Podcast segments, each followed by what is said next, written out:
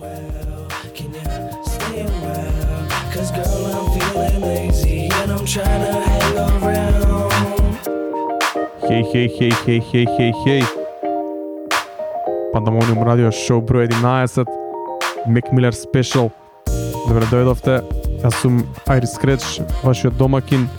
Како што веќе добро знаете, имаме специјално издание вечерва за еден специјален артист и човек кој многу ни значи назва животот. А, Најавме веќе дека имаме гости, ќе посветиме 3 часа на неговата музика и неговото неговиот живот.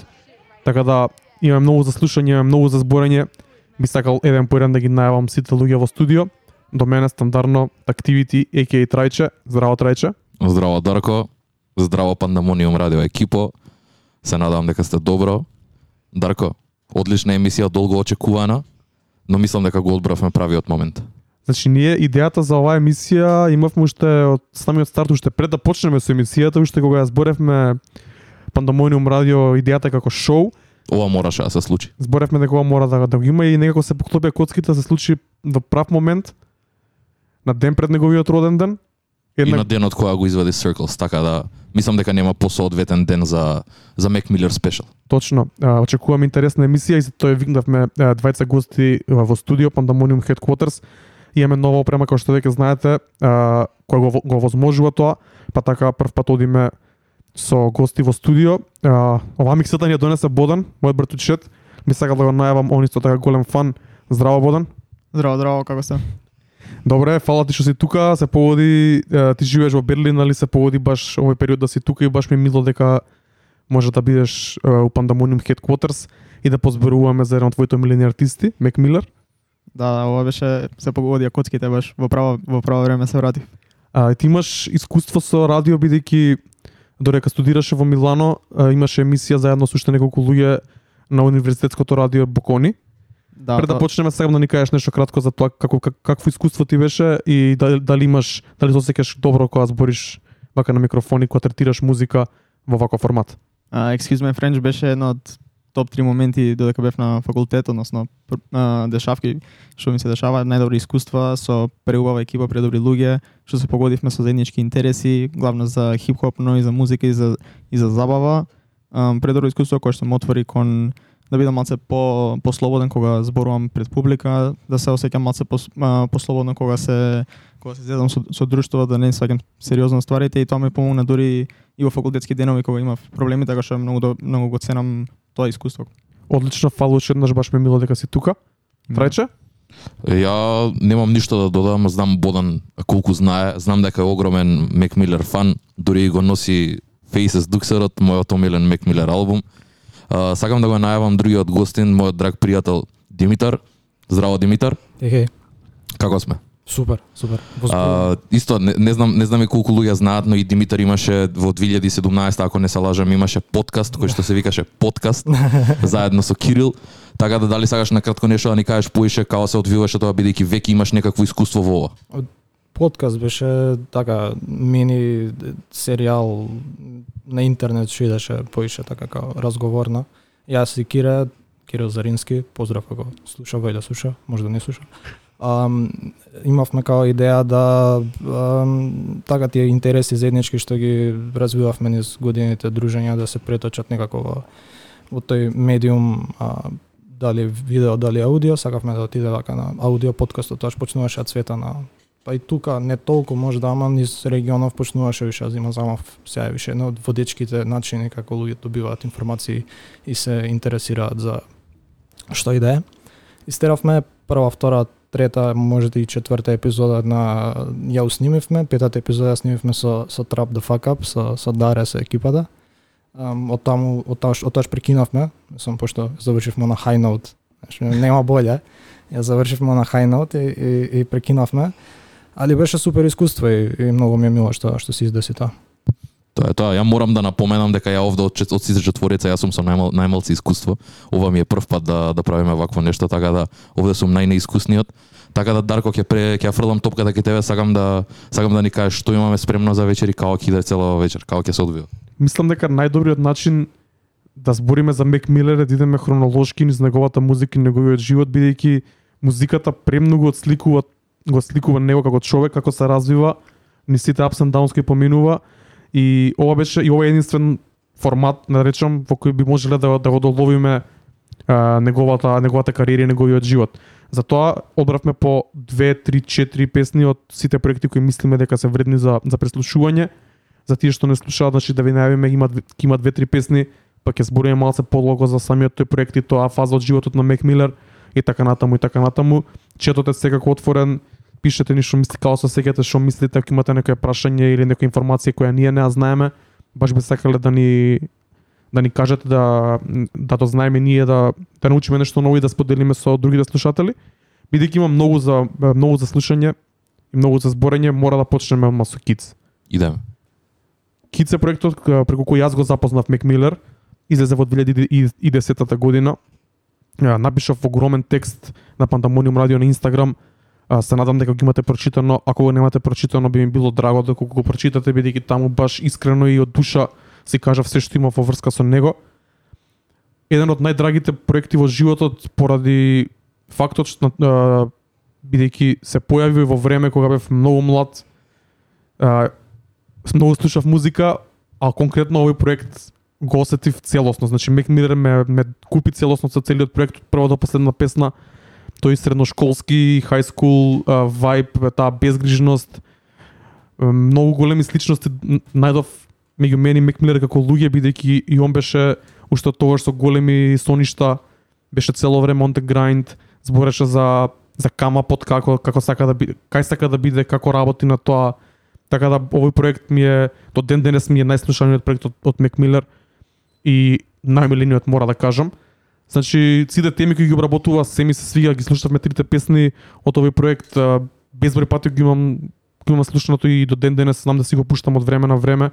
Мислам дека баш на овој проект многу луѓе од мојата генерација година 2 плюс минус се закачија на Мек Милер бидејќи едноставно музиката допираше многу искрено до сите нас. Он е белец од Питсбург, значи не е некој богато дете, од друга страна не е ни скроз гето, баш како што сме ние некоја да речеме middle class, ако може така да се каже, средношколец со сите средношколски проблеми и убави моменти, заебанци, девојки, другари, излагање, бегање од часови и слично. Така да, тоа е тоа што имам да кажам, прочитате повеќе на мојот текст на Пандамониум радио. Ова за мене е омилениот проект од Мек Милер. Трајче? Ја морам само да се слагам во потполност тоа што го кажа. Исто и ја, брат. Ја мене првите сеќавања ми се као ја слушав Kool-Aid Frozen Pizza буквално низ ходник у средно школо и тоа беше тоа. Тој беше вајбот. Така се сите понашавме, бегавме од школо. Уживавме едноставно музиката и музиката зборуваше за нас. Мислам дека тоа беше главната причина бидејќи ние сме негови peers, значи тука сме две години, јас сум разлика со Мек Милер, тој сега сега полни 28, јас сум 26. И мислам дека цело време и во целост музиката зборуваше за него и, и што треба и не знам тоа на некој начин и во моменти ми било и лекција. Како за Kids, така и за сите албуми бидејќи како тој растеше, растевме и ние со него. Многу добра искрена порака ни пиша Дарја Трајковски big up до него. И јас и ти многу слично се сеќаме во врска со Мек Милер, така да го објавивме тој на стори, big up Дарја ако не слушаш.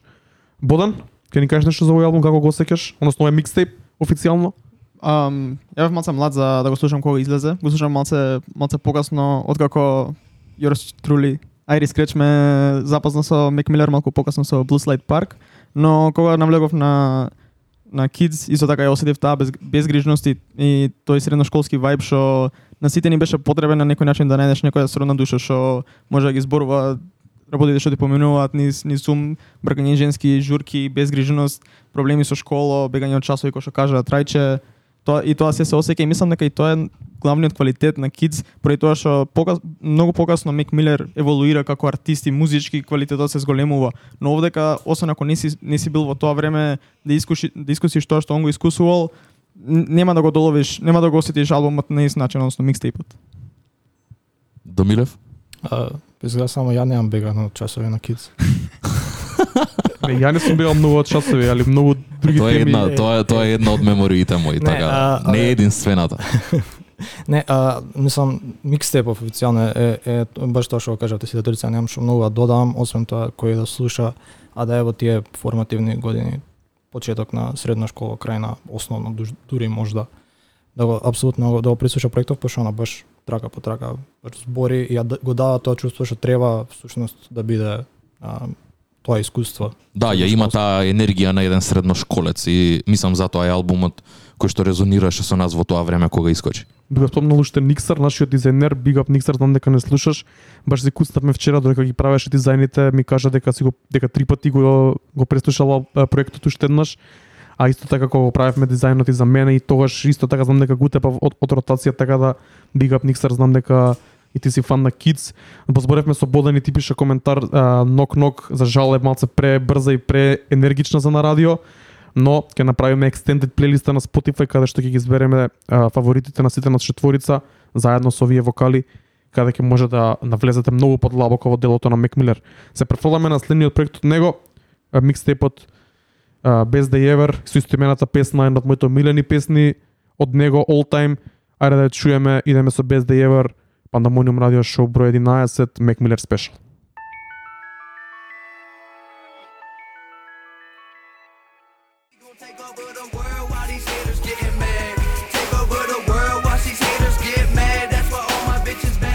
Мек Милер, ова е траката Доналд Трамп. А, сигурно ја знаете, ако не ја знаете, ова мислам дека е првиот а, breakthrough хит на Мек Милер кој стигне до Македонија, ако не се лажам. Инаку, без да јевр траката и песната Доналд Трамп се најдоа истоимениот проект без да јевр кој како микстейп за мене лично помалце во ротација за разлика од Kids и деби албумот Blue Slide Park. Квалитетен проект, но повеќе ми повеќе ми дојдоа да израз сингловите. Тој период многу се навлеков на Мек Милер, тој период многу слушав Уис Калифа, Питсбург Бонд, Рострум Рекордс Бонд и буквално ми беа химна онака сите песни, сите албуми беа постојано во ротација. Кушен Норин Джус пишував и за него. А, Rolling Papers, деби албумот на Уис Калифа, сето излезе овој период, овие неколку месеци, таму 2011 година и беше постојано во ротација. Како што веќе кажав, мислам дека Доналд Трамп е првата трака од Мек Милер која стигне и до Македонија. Барем јас тоаш почнав, почнав да пуштам музика и постојано ова ја става во сетови, може би се вртеше на некоја телевизија, да тоаш не се сеќавам. Стана дека имам ставено на вториот On Some New Shit Mix и ми беше постојано во ротација за журки. Од оваа гледна точка референцата со Трамп може звучи малце глупо и малце негативно на некој начин, али тоа време Доналд Трамп беше популарен како богат бизнисмен во Америка, дури имаше и шоу кој го емитува и на македонските телевизии, така да гледам од кај доаѓа Мек Милер кога ја кога збори за таа тематика, кога прави референца со него. Преска баш да додека се спремав за емисијата си го пуштив спотот и го приметив и статик селекта таму. Статик Static Selecta што од самиот старт со Мек Милер како подр, како поддржувач, извини трајче, како поддржувач и многу ми е мило исто така го приметив стилот е, кој го носи Мек Милер како, како изгледа со капчето со кремастите панталони и баш и барав некои стари слики кои можеби ќе ги објавам утре од мене од тоа време и ептен онака корелација од оваа гледна точка гледам сум бил премногу инспириран и и под влијание на Мек Милер. Мислам дека сите бевме брат, Snapbacks, Nike, Air Forces, се тоа. И сакам да напоменам веќе од кога го спомна само Стерик Селекта, тие уште у 2011-2012 имаат соработувано Terminology and Mac Miller, буквално имаат многу соработки меѓу нив, така да тоа и не е за џабе. Имаат од одамна имаат поштовање еден за друг, така да long time колаборативци се, така да да, тоа е тоа. Ја немам што да кажам за за Blue Slide Park, мене ми е онака иако uh, не знам, Доналд Трамп многу позната хит, кој што кажа Breakthrough за Мек Милер, но тоест извини за Best Day Ever, но не ми нема толкава значење како Кици ко, ко некој други. Да, да, мислам дека тоа е генералното мислење, но сепак тој проект е, беше само уште еден чекор да само уште поише да се навлечам и песната Доналд Трамп има огромно огромен импакт за Мек Милер како прв онака breakthrough хит. Да нешто друго? Um, интересна работа за за Best Ever е што толку е толку е познат, толку се познати uh, Доналд Трамп и самата песна Best Day Ever што дури ја не ни знаев дека е дека е спаѓаат во некој микстейп, мислев дека се синглови сами по себе и уште една интересна приказна што имав другар на на факултет што он ги знаеше Доналд Трамп и Best Day Ever иако е old school head Apple онака Wu-Tang Clan слушаше исклучиво и нас но Доналд Трамп знаеше секој збор да го изрецитира, што мене ми беше онака вау момент до каде стигнува и колку колкав breakthrough хит беше за луѓето од нашата генерација таа песна. А и певлива е. Екстремно. После тој микстеп има уште неколку а, мали проекти. Но најважното за него е и следниот чекор во кариерата е неговиот деби албум, насловен Blue Slide Park. А, Насловот доаѓа од а, паркот за деца каде во неговата населба каде што си играл, инаку овој албум излага на 8 ноември во 2011 година за Rostrum Records, како што веќе кажав, издавачката куќа, тогаш Independent.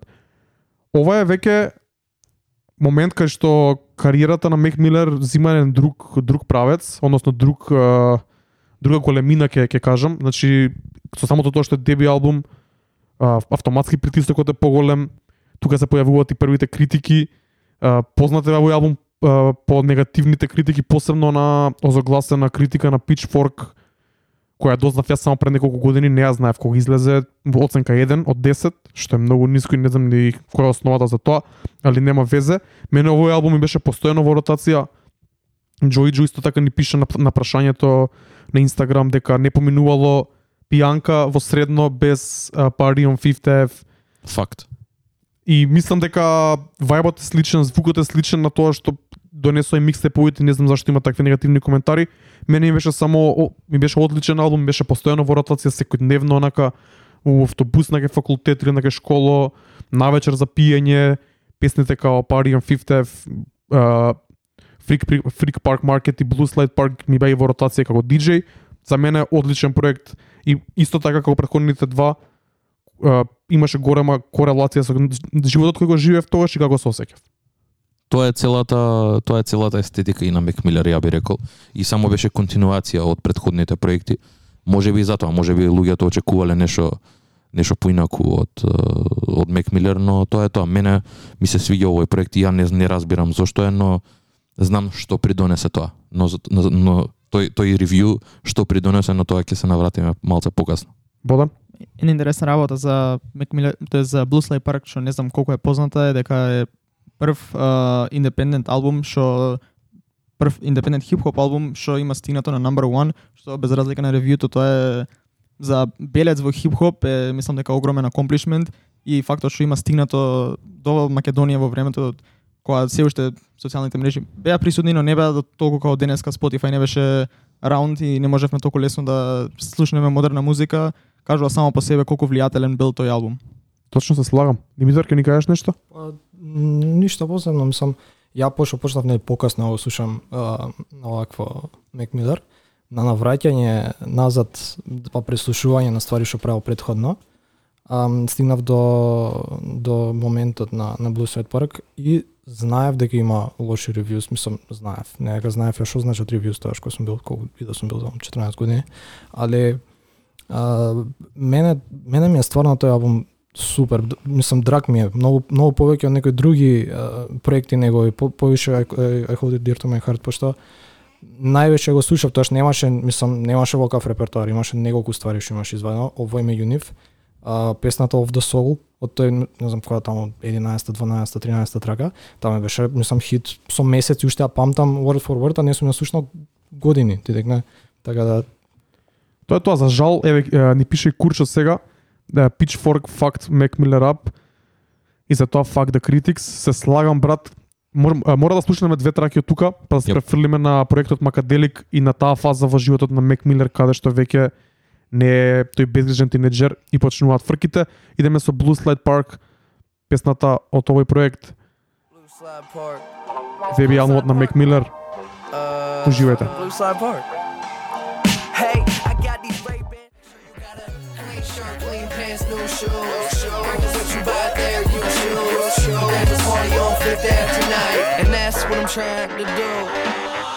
Мек Милер Party on Fifth Ave со овој заразен семпл. Не се сеќам точно од која песна беше, old school песна, малце покасно дознав. Али ова беше Бенгер Рипл постојано во ротација во тоа време. А, да не му ставам притисок, но може би Д Милев го знае семплот бидејќи тој е тој семпл хед. не. Не? Ќе го побарам ќе ви кажам. Тоа беше Blue Slide Park, деби албумот на Мек Милер, преслушайте го ако ви интересира. Со деби албумот Blue Slide Park почнуваат и проблемите во неговиот живот. Пред се поради тој негативен ревју на Pitchfork, кој го бута во некоја депресија и, му зна, и, го, и многу лошо го, го гаѓа. Трајче ќе ни да- кажеш нешто повеќе за тоа? Па тоа, мислам дека и тоа веќе сите го знаат бидејќи тоа беше и причината за Мек да направи таков е, да ете да да фати таков правец со тоа што самиот ревју него тотално го има разочарано го става во потполна депресија и почна да, експер, да експериментира овде со дроги, навлага во тој свет се подлабоко и оттаму и почнуваат сите тие работи. Овде ги воспоставува новите но, но, новиот звук влага подлабоко во во експерименталната музика, раз, а, почнува да збори за многу поразлични теми и тоа е многу јасно на, Мек, на Мекаделик. Ја овој проект од оваа гледна точка го сеќам као две страни да има некако. И има. Едната страна му е таа истиот тој Мек Милер, да речеме со ете не можеби не безгрижен, али тој енергичен млад човек што сака да прави бенгери. И тоа се провејува некаде, бидејќи тој тој Мек Милер тој период се сели од Питсбург во LA да живее таму и да твори, има и MTV емисија за него каде што се покажува неговиот живот као реалити шоу. Така да има има моменти кои се онака Он истиот тој малце постар, со малце повеќе искуство во поголем град, веќе со а, еден деби албум позади него. Тоа што ми се допаѓа многу на овој албум е тоа што тогаш трапот влезе на голема врата во светот. Тука Мек Милер има 5-6 извонредни трап битови, има многу добри гостувања, као Кемрон, една од моите милени соработки на Мек Милер, all time, Факт. Уейн, Кендрик Ламар, Джуси Джей е тука, Джои Бедес меѓу другите. Така да овој овој проект го сеќам као има една страна која е Мек Милер тој истиот само малце напреднат, има друга страна каде што почнува новата фаза на Мек Милер, за која што зборуваш ти. Да, да, да. И плюс од друга страна, знаеш како? Ја трга без, безгрижноста и иако може би звукот исти, се дешава Америка е као буквално хип-хоп бит, ама се се гледа разликата во него. Д- Друг е, друга е темата, друг, друг е начинот на кој што рапува, друг, друг, друга е неговата дикција, друг е неговиот вокал. Овде вокалот дури го менјува, го му се појавуваат и почнува со тетоважи, значи тогаш има скрос и поинаков имидж веќе почнува да појавува на во јавност. И така да овде станува таа голема промена во неговиот живот за посто, за потоа да се префрли во тоа што се случи. Бидејќи овој микстеп го сеќавам како да има два дела и мислам дека најзначениот проект на Мек Милер и најзначената фаза во која тој фаќа некој друг пат го подарив на два дела. Песната Desperado ја ставив пред да почнеме со емисија бидејќи преска ја слушна во кола и баш убаво збори за тој Pitchfork ревју и се осеќа од неговиот мајндсет тогаш. Ќе слушаме Desperado и синглот Loud кој беше водечки сингл на овој проект. Пак ќе се вратиме да збориме за таа малце по дип и по негативна страна. Идеме со Мек Милер Десперадо.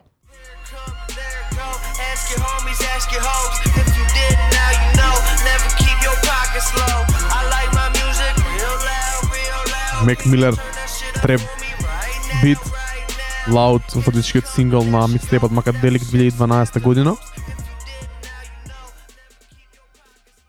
Тоа беше позитивната страна на овој проект, бар колку толку. Позитивната и тука се осеќа тој а, ќе ви успешен сум, добро ми иде, кој вебе, не ви го почитам магазинот и слично посветени на Pitchfork.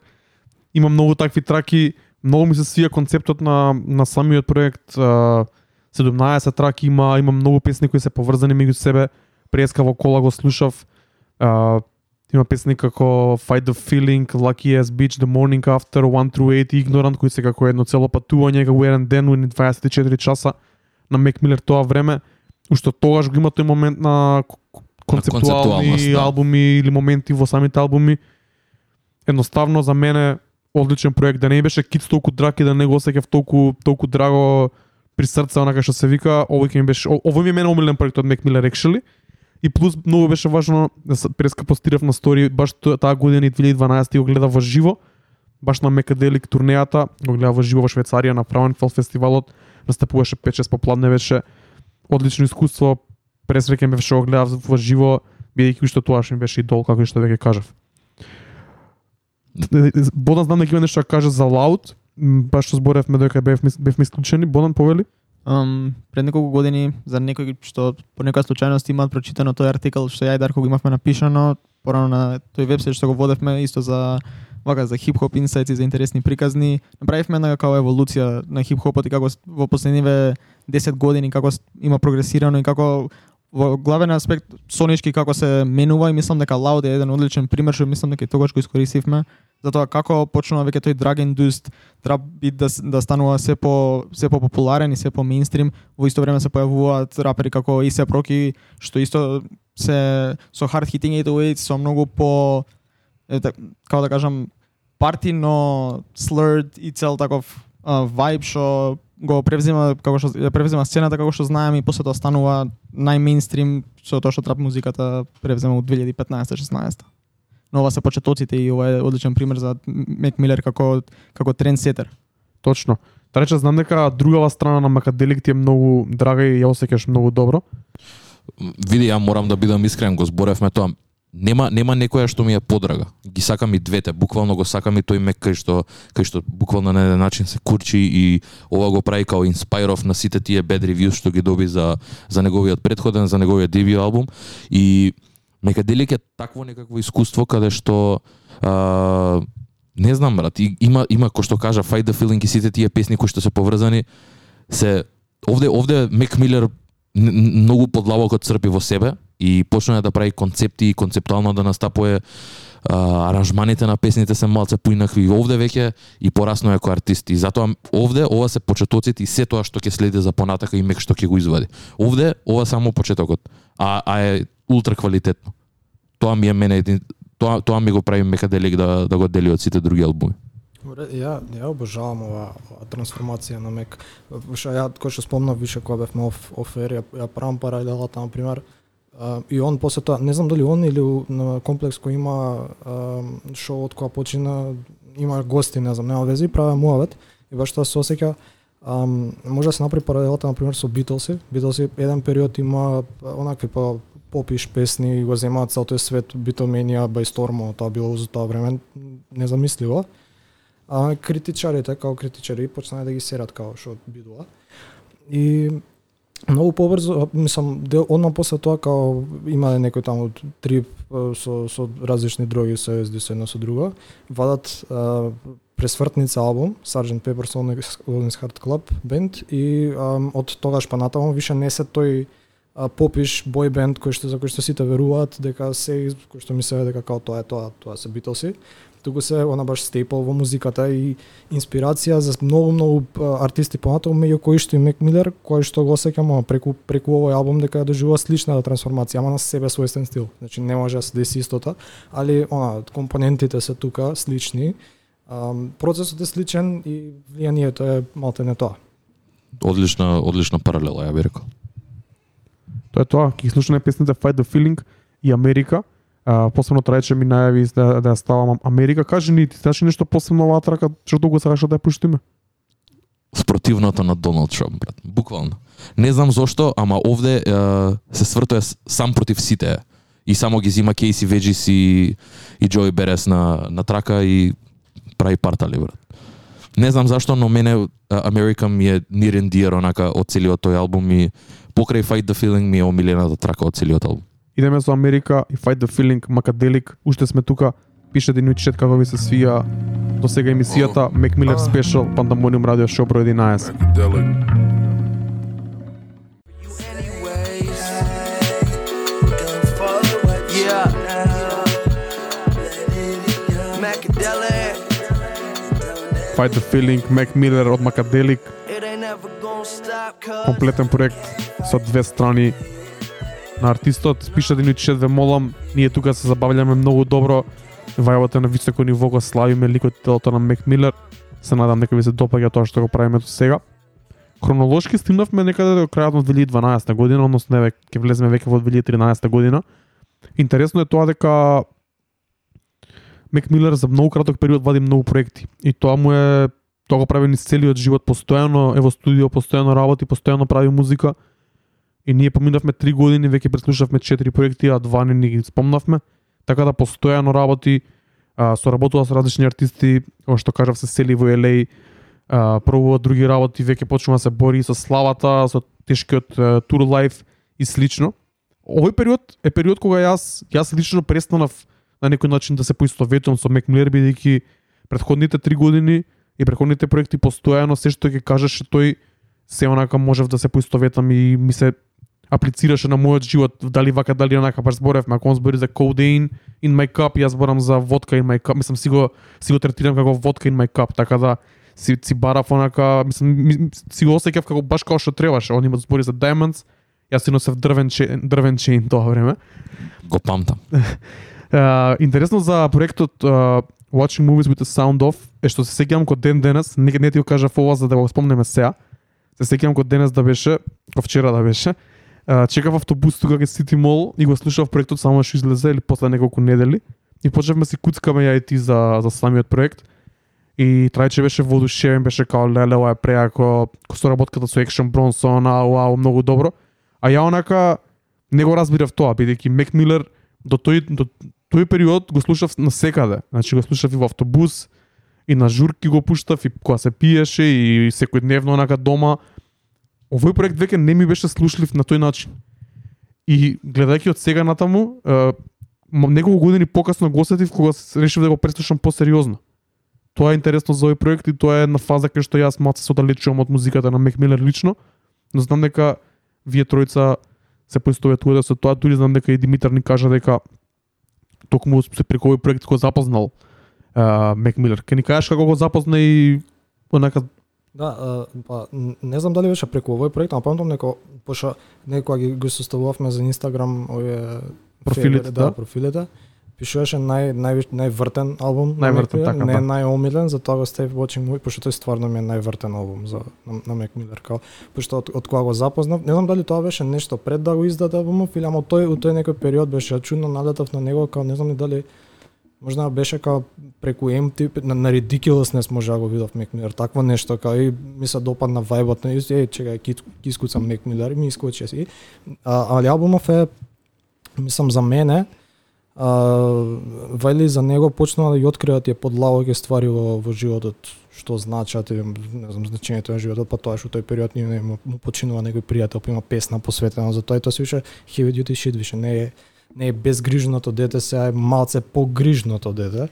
И, и мене тоа не, не го осеќав тоа баш можда толку персе така толку директно, али ми се допадна начинот на, на размислување кој што беше и преточен преку тие песни, плюс продукцијата беше доста трип, јас сега сум веќе конта малце по квази алтернативна продукција, наместо тој по груп, не знам, и хип-хоп или трап стил. И за мене беше и се уште одличен проект кој што кога го пуштам, го пуштам од почеток до крај да врти. Никад не пуштам само една песна, на пример. Ја мене многу ми е мило Дарко што го спомна тоа бидејќи стварно ме врати назад и се сеќавам ја на тие моменти и буквално кога кога го слушнав Watching Movies with the Sound of имав онака еден момент на епифани каде што буквално ја а, не знам зошто ама мене ми се смени погледот за музика ја кога го слушнав тој албум бидејќи кој што кажа морам да напоменам и да се малце навратам ќе направам бектрек дека после Мекаделик од која искочи а, кој што кажа и ти, неговиот аутпут е ненормално огромен и бидејќи не можеше да го из, да извади целата таа музика само преку Мек Милер, тој почна да создава многу алтер ега своји кои беа од различни од, од различни работи инспирирани. Така да во 2012 тој преку неговиот неговото алтер его uh, Лавстин and the Velvet Revival го вади албумот You, кој што е джес албум. И тоа беше неслушнато до сега таков артист со таков бекграунд да извади джес албум каде што никој не веруваше дека тој е мултиинструменталист, дека е спремен и е сериозен за таква музика. А во исти момент а, почна да продуцира, да навлага малце подлабоко во абстрактното и таму се појави неговиот неговото алтер его Лери Фишермен, а со тоа се појави и неговото алтер его на неговата subconscious, на неговата подсвест и тоа е Delusional Thomas. Тоа се тоа се три негови алтер ега кои што тој од 2012 па натака ги тера и ја тоа све имав преслушано за и од таму дојдов бидејќи тоа е малце поабстрактно, почудно и кога дојде Watching Movies with the Sound of ја бев blown away буквално од тој албум, од самата продукција, од тоа тој што го збори, ја веќе бев прва година, втора година на факултет кога искочи ми тој албум. И не знам брат, се повразав со него на, на невидено ниво. До сега така мек ми немаше зборено кој што ми збореше во, во школските денови.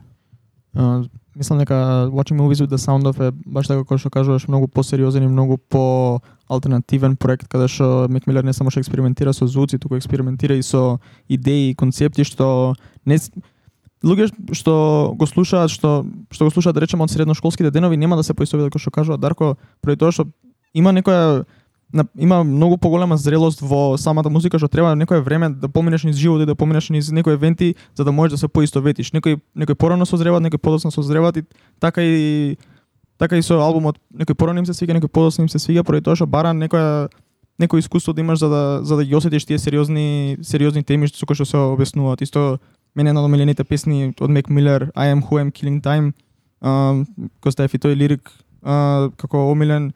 Мислам дека тоа нешто ја мислам дека прв пат кога го слушав албумот а, не, не го разбрав ми беше пре скоро не слушав поради тоа што кога искочи имав околу колку имав таму? 2013 имав? 15-16 години. За мене тоа беше нешто не бев не бев во тој филм едноставно не бев спремен психички за да слушам нешто такво и сериозно да го сватам. Но после тоа кога му се навратив на 19-20 години тогаш сватив која е која е таа гениалност и колку има навлезено длабоко во него. И мислам дека е, се уште underrated и иако као сам албум не беше доволно ценет поради тоа што мислам дека и нема ни добро направено кога искочи со продажби и со такви работи. И за тие што го нема слушното би го препорачал.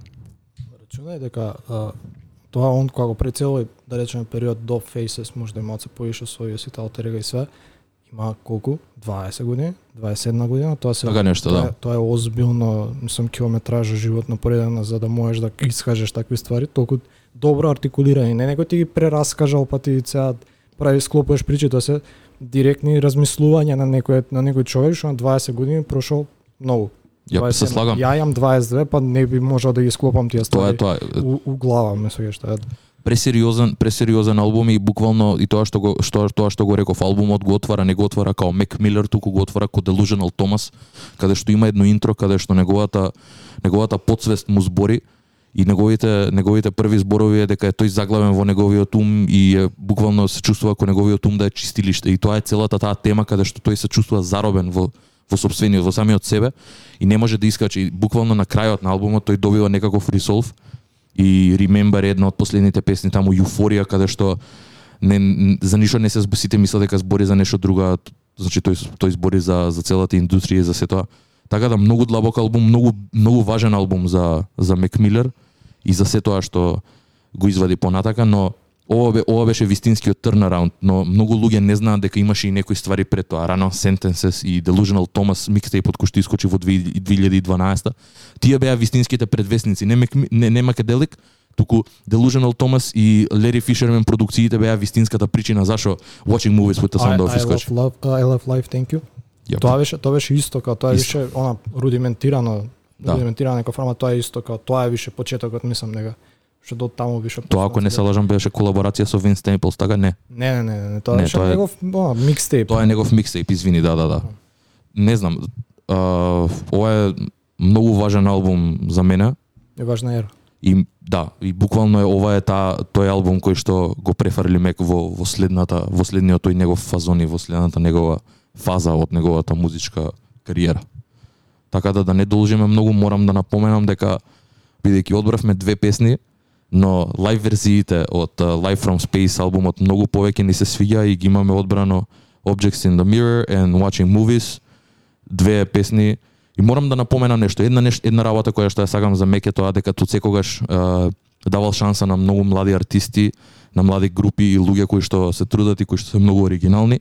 И ја овде кога го слушав, уште кога искочи во 2013 овде се упознав и веќе ги знаев, но ги немав толку слушано до интернет.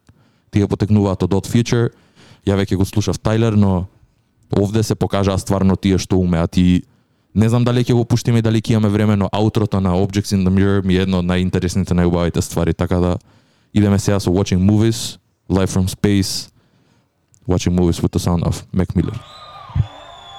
Oh. Shall we uh take them to uh church?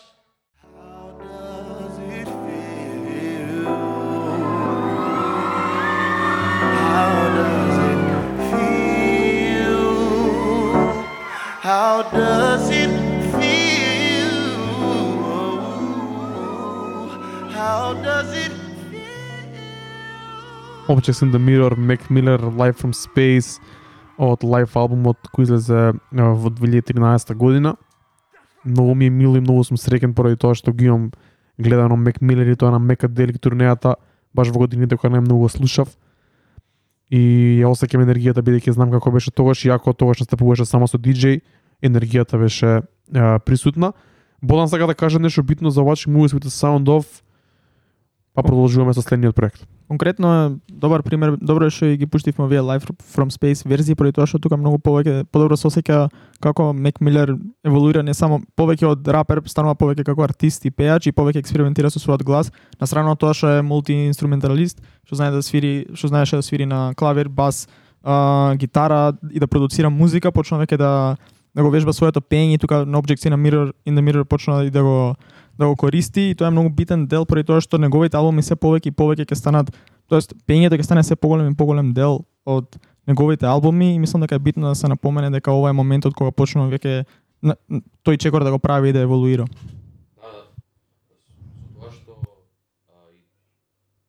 со тоа што извинете, а, имаш право, но освен освен тоа и навлага и во инструментали. Во, значи станува мултиинструментали, свири бас гитара, свири тапани на највисоко ниво и мене тоа највише ме изненади бидејќи почна да инком, да инкорпорира лайв музика и во неговите настапи, но и во неговата продукција. И од овде па натака и колку и абстрактна да станува за во следниот албум бидејќи ќе влеземе во Faces, се слушаат инструментите, се слуша се слуша и неговиот гроут и ова е само ја би рекол дека продолжение и уште уште едно ниво малце подлабоко во во него во, во таа негова депресија или што и да ја кажам бидејќи ов, овде веќе мислам дека најниско и на Faces доаѓа моментот кај што тој контемплира смрт и суицид, така да Faces е многу сериозен албум, но а, не знам, ќе ќе збориме за тоа. Сега прво Дарко идеме со Ќе слушаме ќе слушаме песната Диабло, токму од Faces. Да направиме уште мала уште на кратка пауза, па после ќе влеземе под подлабоко во тој микстейп и ќе ни кажете зашто ви е толку омилен и толку значен. Идеме со Мек Милер Диабло. Yeah. Yeah. Yeah. Rap Diablo. Yeah. Yeah. It's the Rap Diablo. Macho when I drop flows. Bar gets raised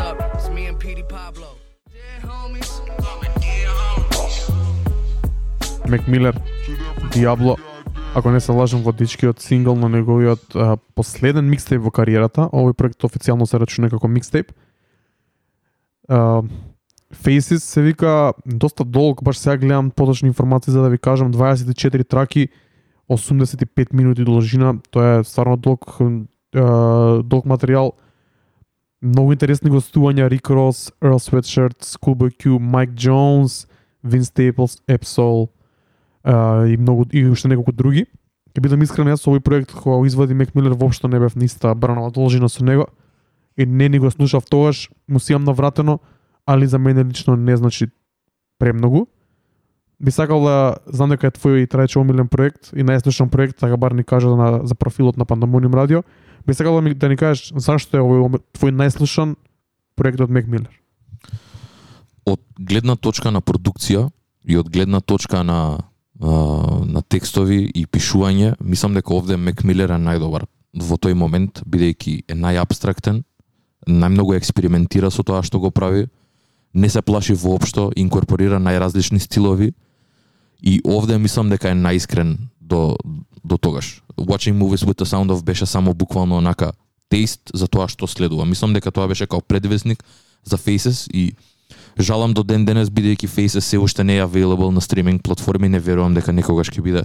Се надевам дека ќе се биде ќе ќе се случи тоа, но кога и да е го чекам со отворени раце, ја у моментов го слушам и го имам и на телефон, го имам и на SoundCloud, но многу важен албум бидејќи овде Мек Милер е најниско бидејќи од поглед од гледна точка на него на неговото ментално здравје и тој како се однесува и неговото понашање овде е веќе неговата трансформација што ја спомна во Мекаделик овде веќе го достигнува тој врв пинакл добива каде што тој е целиот покриен со тето важи значи конзумира дрога јавно, не се занимава веќе за неговиот имидж, го напушта тоа и не го интересира не го, не го интересира индустријата воопшто, туку тој едноставно буквално оди веќе е, скрос лево, заминува веќе во еден сосема друг правец каде што под дејство на други компонира музика што е толку абстрактна за ме, мене ми беше тешко да ја сватам првиот пат кога ја слушав, но почнав да почнав да ја поштувам. Не знам, бе, првите први, првите строфи на на на Faces I should have died already. Као буквално не се ни не се ни труди нешто да постави туку од самиот момент веќе контемплира дека дека он требало веќе да биде мртов за со оглед на други на другите што ги прави. И Faces е еден таков трип што кој да е ја кога го слушав бе, имав некои такви моменти каде што ја бе веќе тоа резонираш со мене може и затоа бидејќи стварно преку музиката успеа тоа на еден начин. Ја да се да се воскренам да се кренам бидејќи да знам што треба и што не треба да направам. Така да ова е еден многу важен проект за мене. Го обожавам и ден денес го слушам уште во ротација и се уште се навраќам кога знам точно која песна е за, за што и што што ми треба за, за, за, за да се кренам во правиот момент. Иначе да 10 песни се више, онака како од првата до 10 да се на на сите стриминг сервисис, така да има надеж за целиот микстейп да се да се појави, што јас се надевам да ќе се деси пошто тоа ќе се слушне она целокупната идеја која што која што сакал да се Многу луѓе не знаат за него бидејќи не е Да. available на такви работи, Да, само да. го има као некаде рандом линкови има и го има во целост на сати сати 20 на минути на SoundCloud ко на цело. YouTube го има. Да, да, да. знам. А, ама не ја ја исто го обожавам овој микстеп. Као овој микстеп ми беше мислам дека првиот микстеп, првиот албум или проект на Мек Милер кој што го чекав. Она баш свесен дека постои како артист и заслушам веќе длабоко зацапам од целиот процес. Чекав да искочи и кој искочи ја не можев да го сватам. Пошто бев дед Практично. Као Да, ова е не- 2013, 2014, 14 14. на нема- Mother's Day, 8 ам- 8 март. Да, не, не можев да го сватам, не ми беше јасно и језиво ми беше дури како, како тоа се, зашто ти збориш дека се треба да, да умреш, како, како, како така. Сеш, не, не, не, мо- не ми беше поимливо тоа истите тие теми. Две-три песни од ова ми, ми беа као okay, Ear Catching Diablo ми беше добра, уште неколку таа со Schoolboy Q као нешто. Инсомнијак. Да, да, Insomniac, Ross. со Рик Рос, да, тоа твоето дека секоја песна станува песна на Рик Рос со неговиот фичер тука е више као очигледно, ади генерално пробував да го сватам, се трудев онака баш да да, да влезам, но не не можев, стварно не не ми беше јасно и после некое време кога ќе пројде и кога ќе одредени животни процеси кои ги пројдеш како мислам што си доаѓаат нормално, више јасно ти стануваат, јасни ти стануваат некои ствари и ова више можеш да го сушнеш, да го сватиш на начин на кој што веројатно требало да биде да биде слушан. Мислам дека не ни бил наменет за да се слуша, мислам јас сега го правам за тебе да ти го дадам за ти го слушаш, него јас ова го правам затоа што јас ова го чувствувам натре, вака знам да го из, да го изнесам најдобро. Еве, проект е, се допаѓа, не се допаѓа, затоа е микстейп, Да, да. затоа има као семплс што се тешки за клиренс, затоа е и фри, за, мислам као тоа е. Мене ми, мене ми се допадна, мислам, мене ми се допаѓа не само целиот проект, него и, и малце себично целиот целиот мајндсет кој што се наоѓа Мек Милер у тој, у тој мен јас стварно го сакам Мек Милер која е онака jaded. Као, мислам тоа вака лошо може да звучи као ја да знаеш да го буцкам, да, ајде другире се сети за ја да слушам тоа што сакам да го слушам, али као мене тој тој период можеби ми е нај затоа што е најкреативно слободен и не е тоа е она креативна депресија. Мислам не е депресија, ама тоа чувство на знаеш кога си креативец и кога а, више чувствуваш работите што ги чувствуваш ги чувствуваш дупло. Значи кога си среќен си на дупло поише среќен од обичен човек, што тоа е да значи, кога си тажен си дупло поише тажен на обичен човек, пошто ги сваќаш стварите многу поинаков начин и тоа мора некако да го изнесеш. Затоа трите песни сега ќе идат после, мислам што треба ги пуштиме, ми се она беше стейплот на на тоа како Мек Милер размислува тогаш и која му е мантрата во тој тој период као ако окей, а тоа тоа ако умрам, умрам. Ако не умрам, супер за сите, али као се помирува со тој факт. Да, да, да. И уште нешто ќе додадам бидејќи овде освен освен освен смрт, као тој контемплира многу работи се се се чуди за многу работи за неговата слава, зошто тој е славен, значи буквално целиот живот му е стаен онака на а, пред некакво си джури и баш кој што кажа, а, се слагам со тоа бидејќи Faces звучи кој да е албум напишан од него за него. Не е наменет да биде слушан од нас. Но ја го сваќам кој една порака и поука за што треба и што не треба и неговите сваќања за сето тоа. Многу е интроспективен, многу е и ретроспективен бидејќи стварно копа длабоко. И да, еве Андрееска збори видеото од, од, од него и од Q во студио, као зборуваат додека Мек Пиелин, буквално тоа што го кажа, значи на јавни места без да се замара кој да е околу него, другарите се се грижат, но тој не го интересира и само само то не се уште подлабоко во во себе. И тоа е тоа. Бодан, знам дека еве и го носи Faces Duxero, така да сакам да ми кажеш и ти нешто за Faces.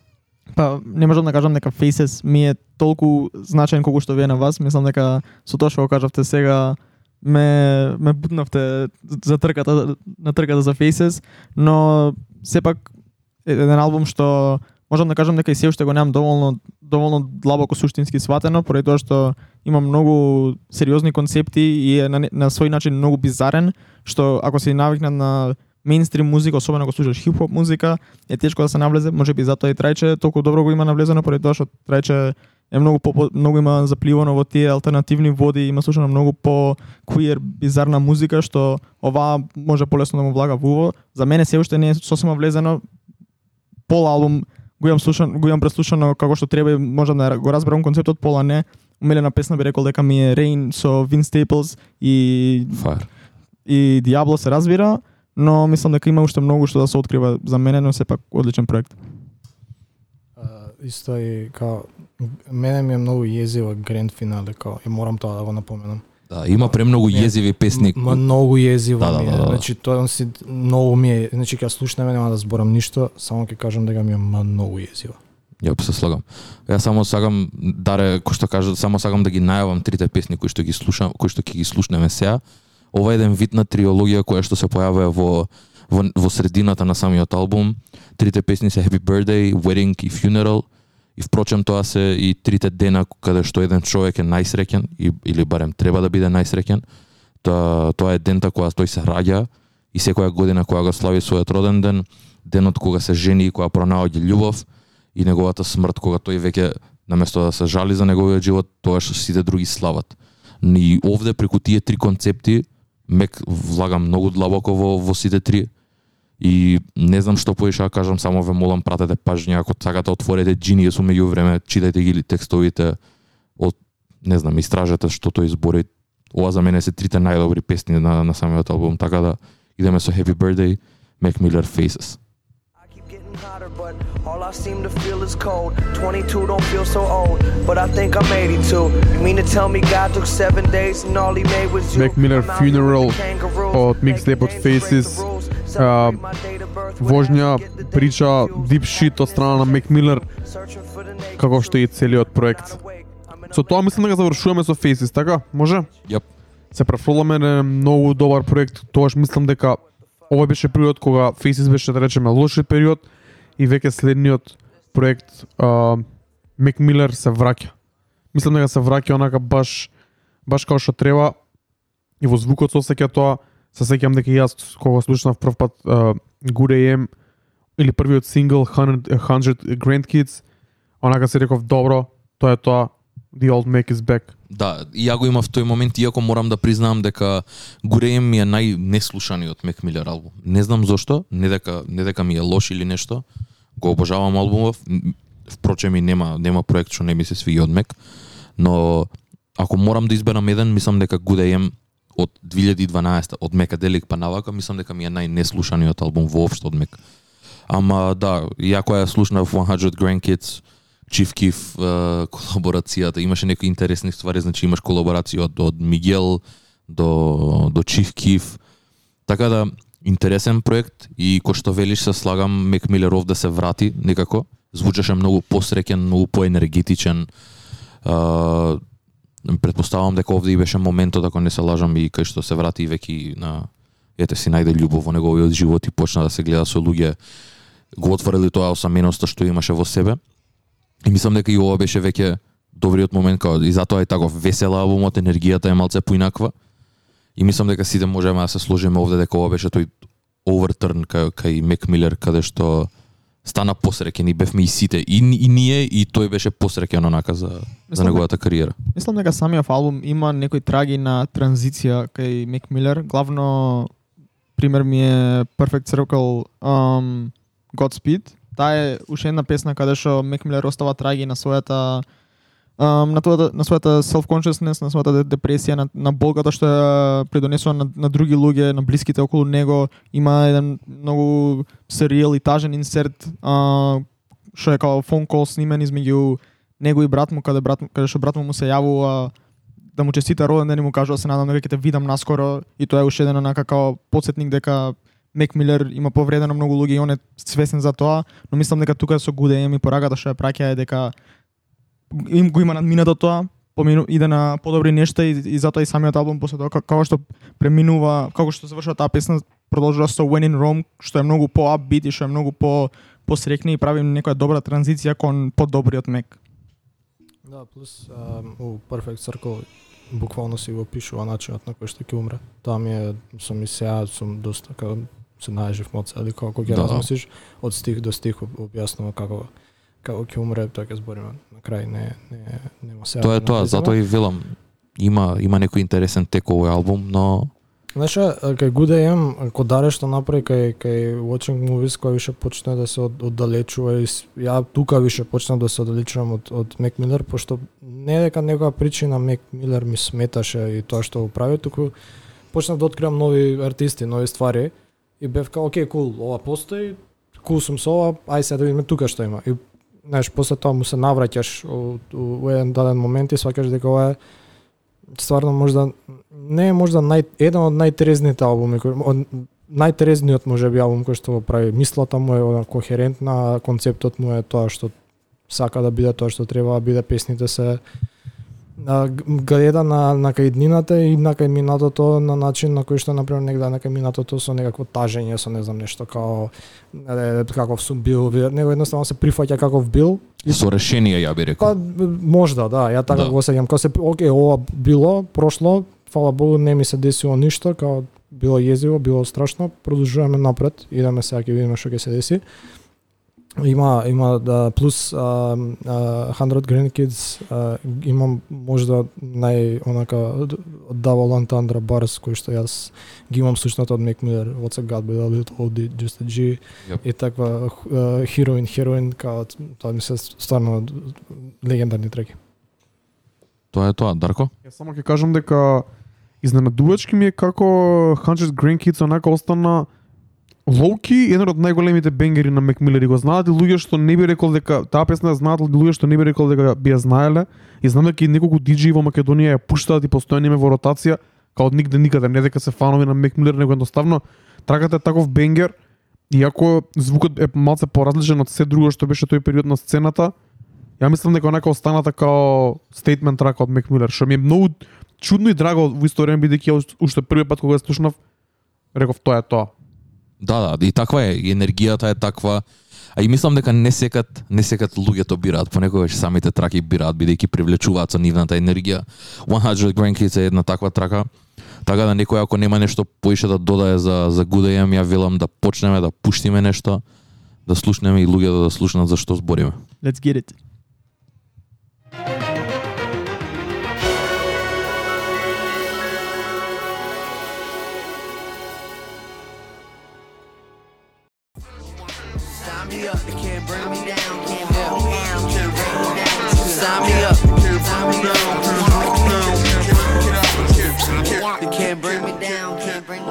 Мек Милер Clubhouse од албумот Good AM баш зборевме сега додека бевме исклучени овој период, еве до Милев ќе го оставам да ни каже, овој период изгледа како Мек Милер стварно да е онака вратен и ти имаше добра информација дека тука се сели од LA во Њу Йорк. Да, он а, има тука еден а, документарец за а, Фейдер, ако не се лажам, може да не беше Фейдер, не е битно. А, се вика Stopped Making Excuses. да. И е многу а, интересен не само за него као за Мек Милер, туку е интересен да се погледне, препорачувам, да се погледне за било кој кој што се наоѓа на некој кросроуд у животот или као си прави екскюза за било што у животот дека као не можам ова да го правам пошто јада јада јада. Um, но е тој тој сега цел процес веројатно промената на живеалиштето и и, и точниот мајндсет Рик Рубин му помага тука исто многу во uh, getting sober со таа некој процес, не знам, медитација некој така натаму се тоа помалку битно. Uh, го става во некоја нова нова нова енергија му дава која што го следи до крајот на неговиот живот преку сите проекти може да се види. Тука преку не Гудеем е заборавме да спомнеме дека не Гудеем му е првиот албум кој што е uh, со Warner Brothers значи веќе не е independent uh, артист сега е подпишан за некој лейбл има луѓе кои што се грижат за одредени процеси за кои што не треба повеќе да се грижи и е помалку растеретен и на вистина созрел. Тука веќе созрел. Мора да спомнам кој више го спомна тоа Stop Making Excuses, ја приеска баш да се подсетив на еден документарец, многу добар unofficial документарец од Джейк Зиман. На YouTube има скоро 500.000 views и многу убаво ја пишува целата прича, дури на крај малце и онака ми се на солзи очите последните моменти. Стварно инсайтфул и стварно многу убаво срочено и така хронолошки како ние ја проаѓаме прича, и он имаше многу добро објаснето. Да, со исечоци и слично. мислам дека тоа ќе е одличен фоллоуап после емисијава да секој да седне и да изгледа ако доколку ја немаат изгледа на ќе, таа. пос, ќе постираме и тоа. Стигнавме до еден проект кој е многу интересен бидејќи би, јас би рекол дека е најразличното нешто од Мек Милер иако целата кариера му е многу различна, сите проекти му се многу различни. Мислам дека The Divine Feminine одскокнува некако од сите тие бидејќи е у посебен лейн сам по себе. Се слагам, брат. Uh, не знам, иако ги мразам сите луѓе што и тоест сите критичари што го критикува овој албум бидејќи ова е вториот лошо критикуван Мек Милер албум, бидејќи Good AM имаше феноменални ревјус, беше обожаван и од фановите и од самите критици. И кога дојде Divine Feminine, многу луѓе не знам зошто, но некако албумот се истри на лош на погрешен начин од нив. Бидејќи ова беше нешто неочекувано од Мек Милер и но вистинските фанови знае знае од каде доаѓа ова. Напоменав дека тој има извадено љубовен джес албум уште во 2012 експериментира со мултиинструменталисти и сам продуцира музика и голем дел од продукцијата и овде е негова во неговото студио со неговите пријатели а, интересен звук, не секој дневен за Мек Милер, певлива музика каде што тој и кој што кажа Бодан овде веќе ги ги му совршено неговите вокални способности но на највисоко ниво, овде пее на многу песни и има некои колаборации кои што онака мене ме тотално збунија неочекувано тај Дола Сайн го има на албумот, го има Андерсон Пак, овде Андерсон Пак се уште беше релативно нов и свеж артист и кој што напоменав, значи Мек Милер ја има го има тај, тој момент каде што им дава шанси на цело, цело време на, на млади артисти да се покажат дали преку а, supporting acts на неговите лайв турнеи или или вака на на албуми. Андресо пак го имаше тој момент на на хитот и на синглот од овој албум Денг и не знам ја бев на Андерсон пак песна на некаде на пола од од самиот од самиот а, концерт настапи со Денко, нака, не знам ја припаднав наместо да се радојам и да ја припаднав не може да се соберам во тој момент. Ја, така да големо значење ми има мене, не сваќам зашто некој би го би го хейтал овој албум. Не не ми е јасно зошто, но овде Мек Милер мене ми е феноменален. Мислам дека доаѓа тоа со самата неконвенционалност и само до тоа што Мек Милер на овој албум е најискрен за некои табу теми што се во нашето општество како сексуалност и да би да искажуваш чувства према некој нешто што беше неочекувано од негова страна.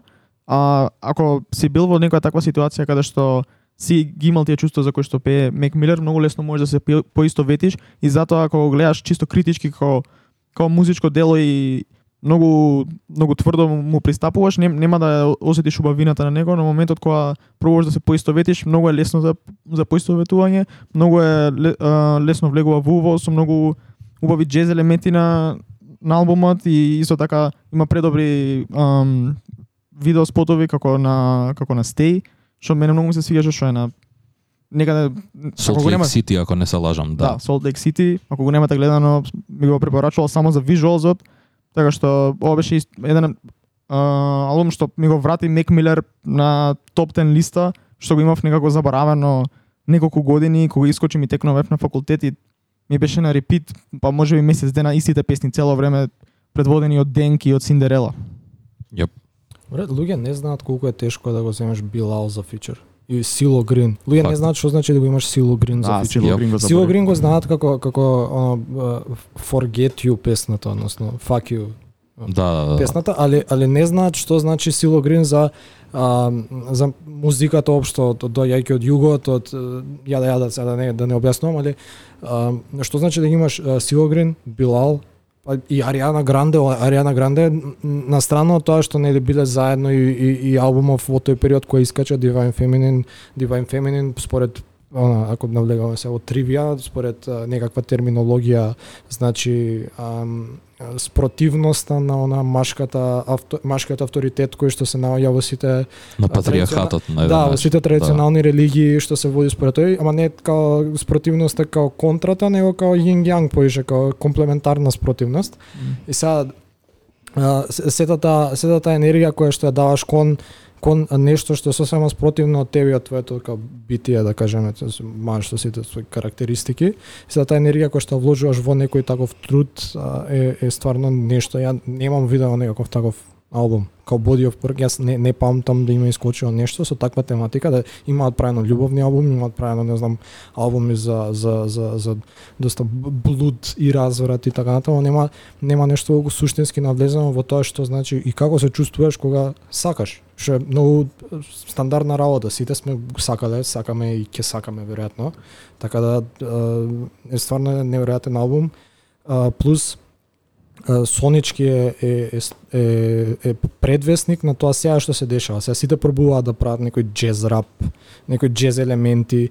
Кендрик тоа што искача со Pimp a Butterfly и има такви некакви, ама тоа поише не стрит гето и и, Така. и тој Тоа тој потекнува од друго место, ако ме Да, прашаш. па, мене. да, од потекнува од друго место, али а, дел од артистите што се наоѓаат на тој албум се наоѓаат и тука. Thundercat, Апсолутно. Јап. А, заборев како се викаше тој што не не е битно има уште неколку артисти кои што се се јавуваат и, и, и тука, па и Билал. Um, и е стварно стварно мислам супер, супер албум. Да. Мојот најомилен албум. Не е најслушаниот, ама мојот најомилен албум. Се слагам брат и плюс а, ја не би ја не би го нарекол The Divine Feminine ко љубовен албум, туку тоест ко а, не знам не знам како да го наречам, но дефинитивно не е албум љубовен, туку ја опишува љубовта на некој сосема поразличен начин, кој што кажа, кој што кажа и самиот дека ете, ја воспева жената, феминизмот го става на, на највисок пиедестал и, и го отфрла тоа токсик мескилинити што владее во рапот низ, низ овие декади цело време и тотално воспева сосема нешто поинаку и темата темата на самиот албум не е ни битно за кој за кој тој збори. Едноставно самиот покрива такви теми, толку општи теми кои што впрочем се и табу теми во во хип-хоп музиката. Да бидеме реални, тоа и кој што каже се слагам, значи нема не постои таков албум каде што жената на такво ниво и на, на, на таков пиедестал е ставена. Од страна на Машко пред. Од страна на Машко, да. Интересно е само на овој документарот во што го гледав преска баш се кажува дека една или две песни од самиот албум се посветени конкретно на Ариана Гранде. Другите се за Њомза. Една друга девојка која што тој предходно си има гледано, но не е тоа темата на целиот албум. Да, да, ама тоа е мојата дека не не само и за неа, туку од- искуствата со кои тој ги имал со жените. Без Сите разлика дали е претходно, да. мајка, дали е роднина, дали е да, другарка, дали е воспевана уствари, да. не е онака баш љубовно, љубовно, туку е повеќе посветено на, на жената. Одлично, може да ја слушаме песната Денг со Андерсон пак верувам дека сите добро знаете. Едно од стейтмент траките на Мек Милер општо, Пандамониум радио шоу број 11, Мек Милер спешал. Се надам дека ви се допаѓа. Ние тука уживаме. Пишете да ни у чат и уживајте и вие.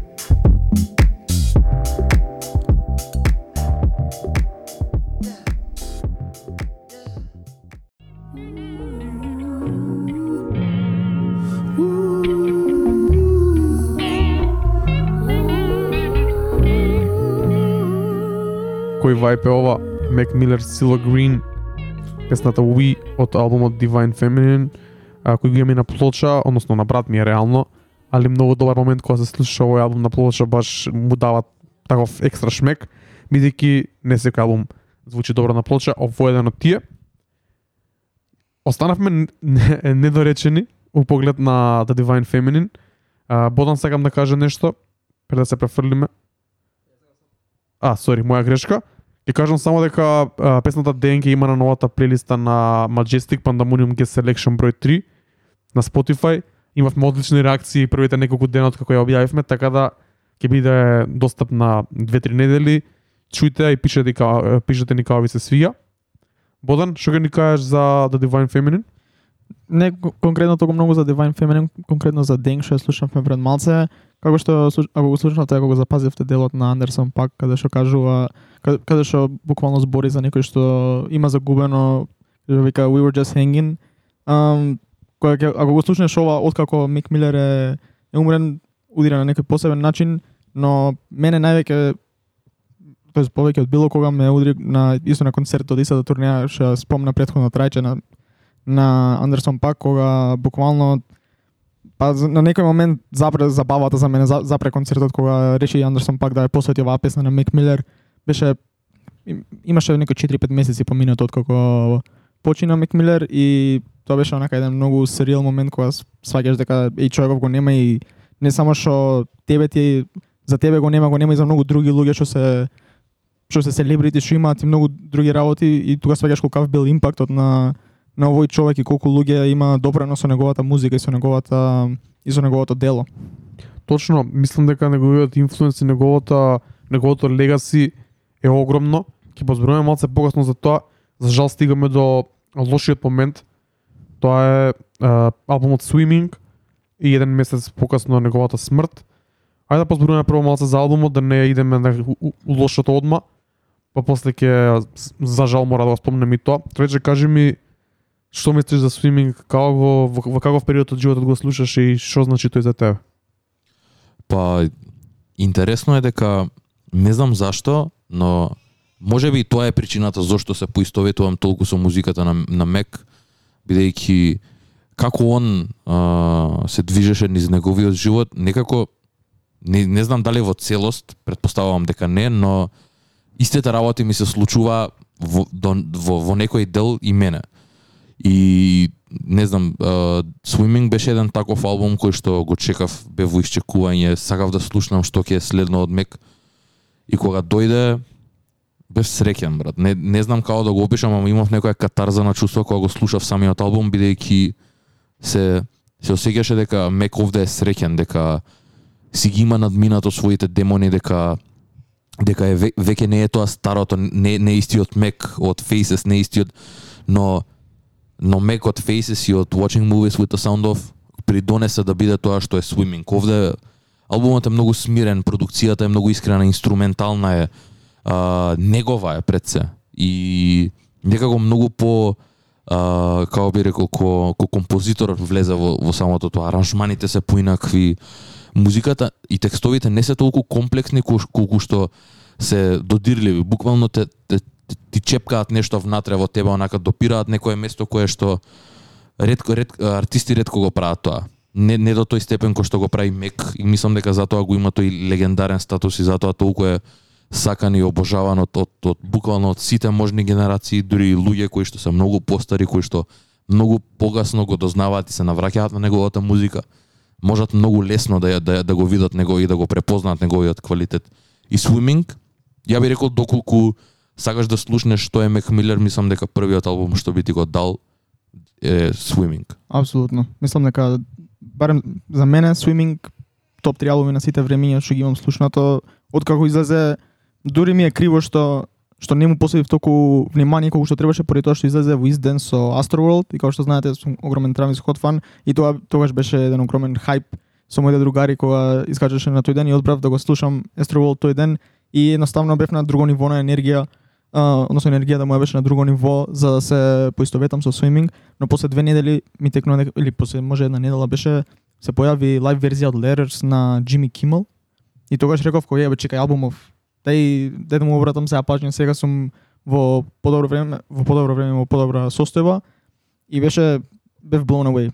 Значи секоја песна е добро осмислена премногу премногу добро се комбинира со претходната и после тоа со следната. Има предобри инструментали предобри комбинации и едноставно албумот е за секој би го, би го пуштили и на некој што почна се да го слуша Мек Милер што 14 години, би го, би го пуштили и на мајка ми што мислам дека не слуша, поздрав. um, едноставно предобар албум што, и по, тука е моментот каде што Мек Милер покажува на, на што е посебен, способен и тоа мислам дека дури уште потешко не удира да сите што знаеме дека после месец ден од кога го извади овој мастерпис умира и остава многу работи недокажани. се сложувам во целост. Јас мислам дека и многу ми е јас мислам дека овој албум му донесе многу фанови, многу луѓе кои знаат за него, но не беа баш фанови после овој албум онака си рекоа и стварно човеков е многу добар и за жал тоа придонесе и смртта после месец дена. За луѓето откако се случи тоа ова да биде првиот проект кој кој ќе го слушнат. И мислам дека и за тоа и најмногу остана инаку проектот е многу концизен 13 песни 58 минути нема гостувања и онака баш си е се слеано едно во, едно во друго си оди различни тематики, но таа искреност, таа тоа дека е окей сам со себе и тој некој баш баш има некој grown up момент каде што мислам дека сите си кажавме и добар е, на прав пат е, ќе биде боле.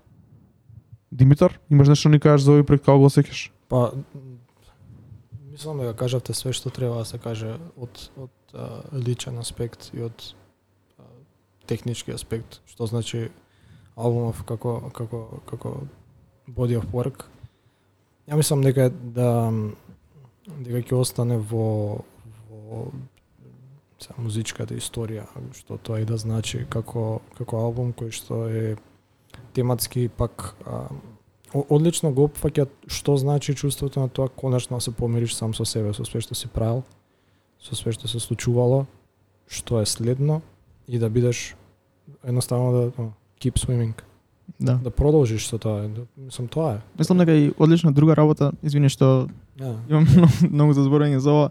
Ам, многу помага во ситуацијата што Мик Милер си останува исто толку и абстрактен во начинот на кој што ги искажува своите мисли, за да можеш многу лесно да се поистоветиш и да си го примениш во својата ситуација и нешто многу интересно што никој друг артист, што го нема приметено кај никој друг артист, секоја песна можеш да си ја толкуваш на, на повеќе различни начини. Кога еден пример ми е Conversations како песна, топ 3 песни мислам дека од овој албум за мене, Um, оваа песна начинот на кој што е uh, направена можеш да се замислиш како Мек Милер се зборува сам на себе, има conversation сам со себе, има конверс... или можеш да го замислиш како он има conversation со тебе и ти ти кажува ти ти дава некоја мудрост, ти дава некој искуство, можеш да си го да си го гледаш како ти како сам со себе да си имаш conversation и има многу различни толкувања преку кои што можеш ти да го доживееш овој албум и тоа е мислам нешто многу ретко што само ако си доволно созран и талентиран артист можеш да го достигнеш. Затоа и го реков тоа дека доколку сакаш да го да го почувствуваш Мек Милер и све тоа што тој има направено низ неговата кариера, мислам дека Swimming е она буквално врвот кај што го достигнува, значи врвот на на на, на, на пишување текстови, врвот на продукција, се е едноставно, брат, иако е, иако е абстрактно, иако иако значи збори за многу теми и е многу интроспективен и ретроспективен, многу е лесно да се приврзаш кон него. Да, мислам дека е, е како што кажа Дарко Преска да се надоврзам, му донесе многу фанови, еден од нив е еден мој другар и тоа ја прави уште потажна работата што толку многу луѓе што се нови фанови го откриваат кога е на своето најдобро и се радуваат на тоа што нашле свој нов артист, на кој што може да се радуваат за следни албуми и после тоа им се случува, имам еден добар другар каже што му се случи баш ова и ми рече како зашто ми го кажа Мек Милер како зашто вака ми направи пре пре лошо се осеќам сега секој пат кога ја слушнам Circle, си- кога ја слушнам Swimming, кога знам дека ова е последното нешто што што може да се слушне од него и тоа е некој bittersweet момент. Да, мислам дека и се се се се што слушам веќе ми е bitter sweet момент, онака буквално со мек ми е цело време се радувам и исти момент ми е онака што имам некој имам имам нешто у позадина што ме онака копка стварно ми е мака и ама неизбежно е тоа, но знам дека има уште музика, се надевам дека ќе слушнеме нешто поише од него. Да не забегувам многу тоа, мислам дека ќе се навратиме поише, сакам да зборим уште за swimming. Така да Дамилев, имаш нешто Мислам да кажеш? дека, мислам дека супер супер завршува бизарно малце, супер завршува кариерата на Мек Милер, на на некоја а, добра, не знам, до, до, на у добар момент, колку и да звучи тоа чудно, сурово и така натаму и така натаму, завршува во, во не, не можам да замислам што би било после. Знаеш, не, не, не ми има логика. Ова е едноставно помирување со себе си. И, од кога ќе се помириш со себе си, окей е све друго. Као, и, да го немаш овој момент, да се случеше тоа што се случи порано, еден албум порано, ќе беше нешто незаклучено, не, не мислам неодговорено, недоречено и ќе завршеше баш како кариера на секој друг артист кој што е, умрал прерано.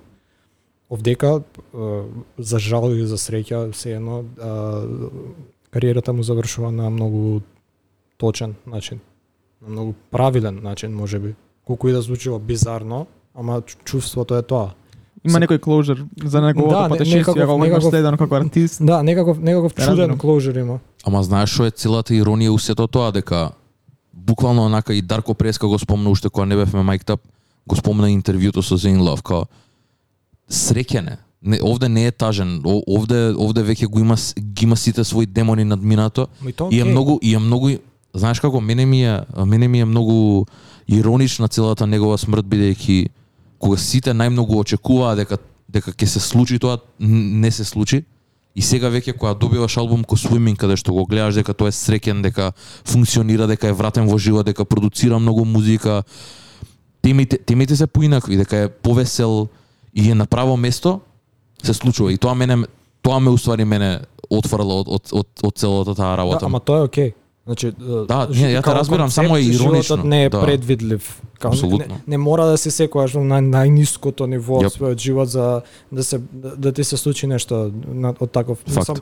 И- Може би затоа ни е уште толку повеќе жал за, за него поради тоа што знаеме дека тоест сите осеќавме па дури и он дека го има предбродено најлошото да. и на крај тоа му се случува, но се согласувам со тебе до некаде ако ако мора да бираш од минатото до сега момент кога ако би требало да умре Мек Милер, ова би било најдоброто време поради тоа што гледаме ние целосна еволуција на еден артист како дете рапер на 16 години што збори за журки доаѓа до до swimming овој мастерпис каде што зборува за среќа и концепти како свое јас и да бидеш свесен во своето за за општеството и тоа е на некој начин едно од најубавите приказни што ја ги имам искусено во музиката. Да, ако, ако се тргне од целиот тој момент на на негова мислам природна смрт и сето тоа го се гледа како само body of work Swimming е целосен албум за човек кој што прошол одреден период. Ја разбирам зашто на пример тинеџери не би го мислам би, би бил окей албумов, ама не знам, не би го слушале нешто многу. Ја разбирам зашто мајка ми го, го поштое албумот. Мислам, мене сите тие сите тие мислам песни од албумот. Мислам сите тие работи ми се јасни за тоа што едно, не знам, та, така треба, едноставно тоа требаше да се деси на многу бизарен, на многу чуден, на многу да, безвезен начин од само артистички аспект, од само да, значи хронолошки албумите ако се видат, тука не мора значи да да било со едноставно да прекине да твори музика, ако тука прекине да твори музика, тоа е е, целосна Да, ова е правиот на момент. 26 години. Се сложувам многу добра поента, ја немам така размислено предходно. А, ке слушнеме две песни од овој албум, Self Care и What's the Use, па потоа ќе се префрлиме на последниот и ќе позборуваме малку за целиот тој концепт на Swimming in Circles. Идеме со Make Miller Self Care. When it hits you. Get a little sentimental when I'm off the juice. Well, I'ma give you what you came for. Mac Miller, what the use?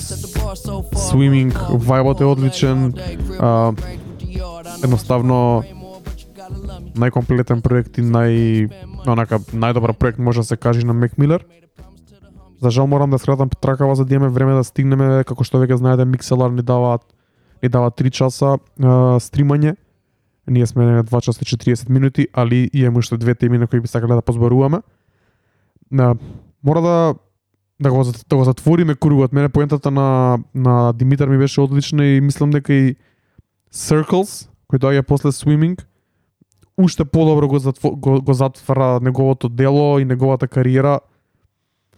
И среќен сум бидејќи ги имал снимено и спремно колку толку тие ствари. Бодан, ке ни кажеш повеќе за концептот на Swimming in Circles како целина? Да, има едно одлично видео на YouTube што ако сакате да го гледате, мислам дека е постирано од Spotify.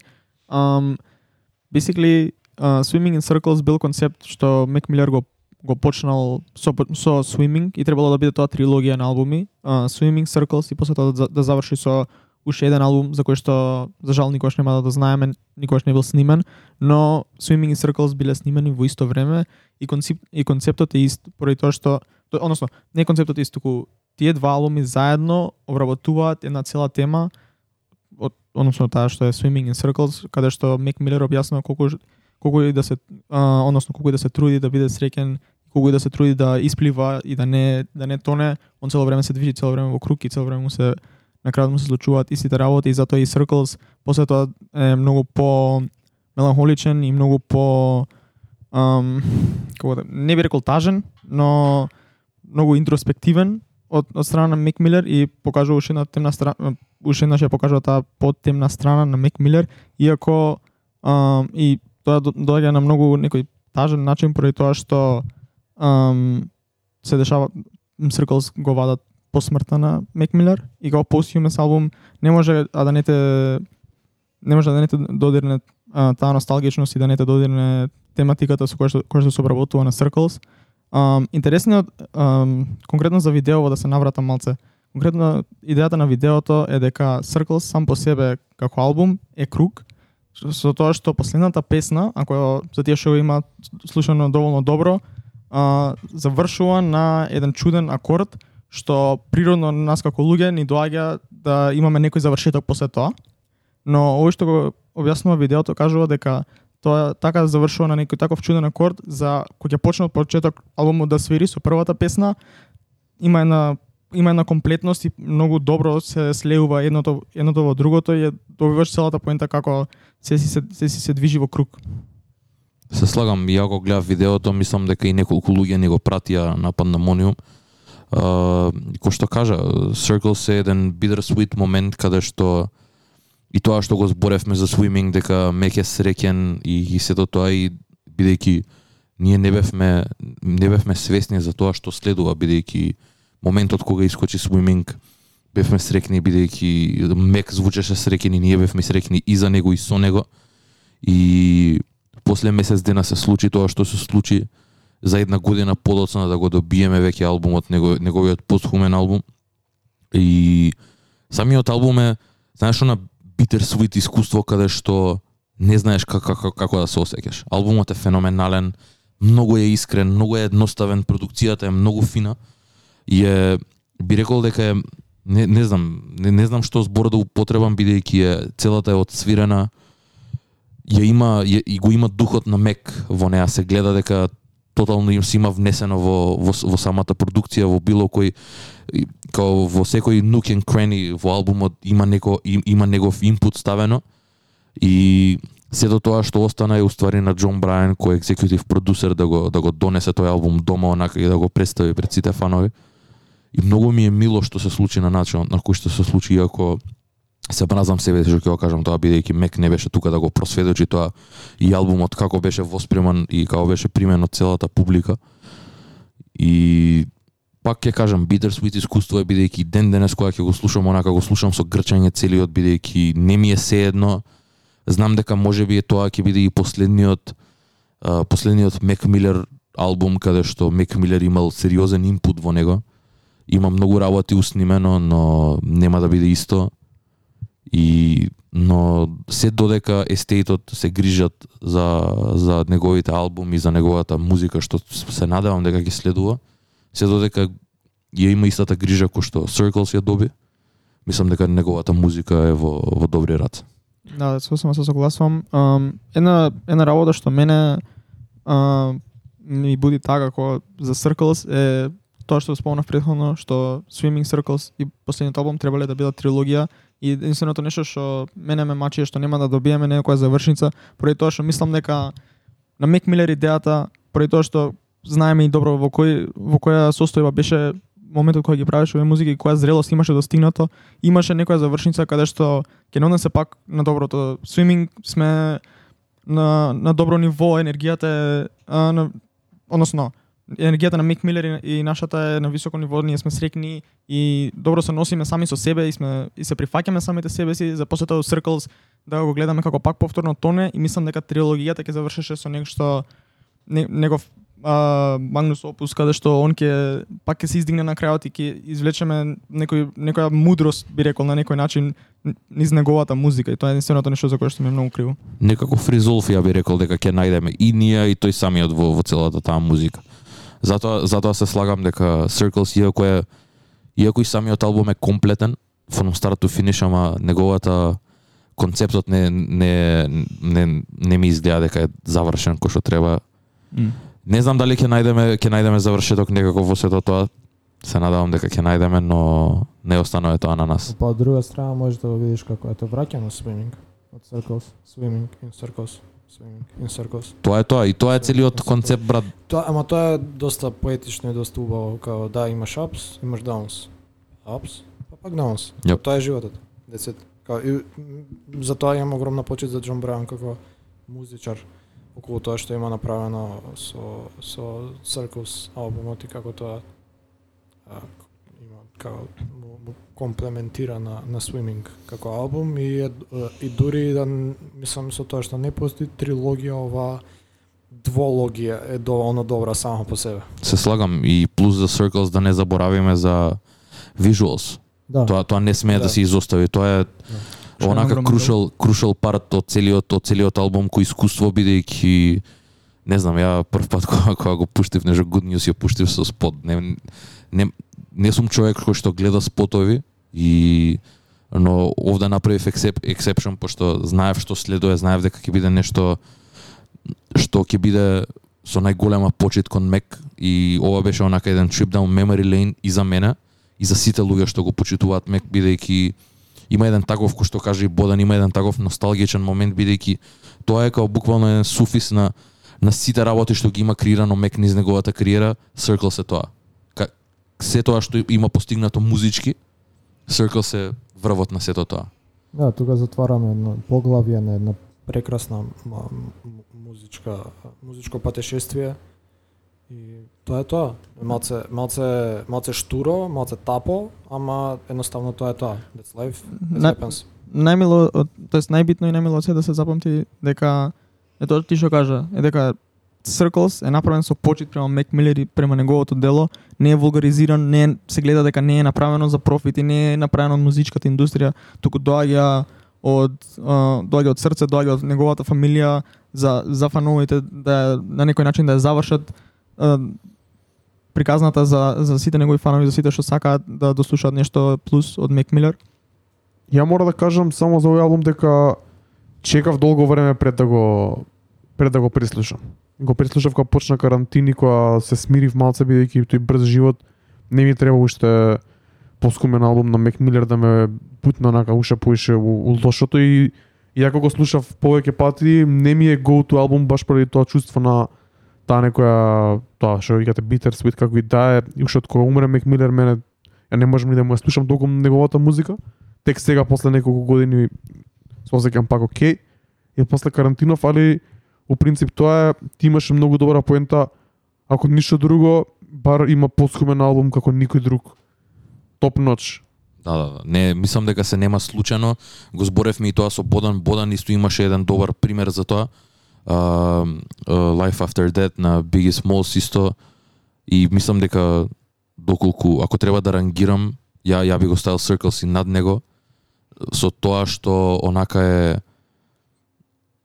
нема нема албум кој што може да се рамни во во во почит кон самите артисти, Does the artist justice.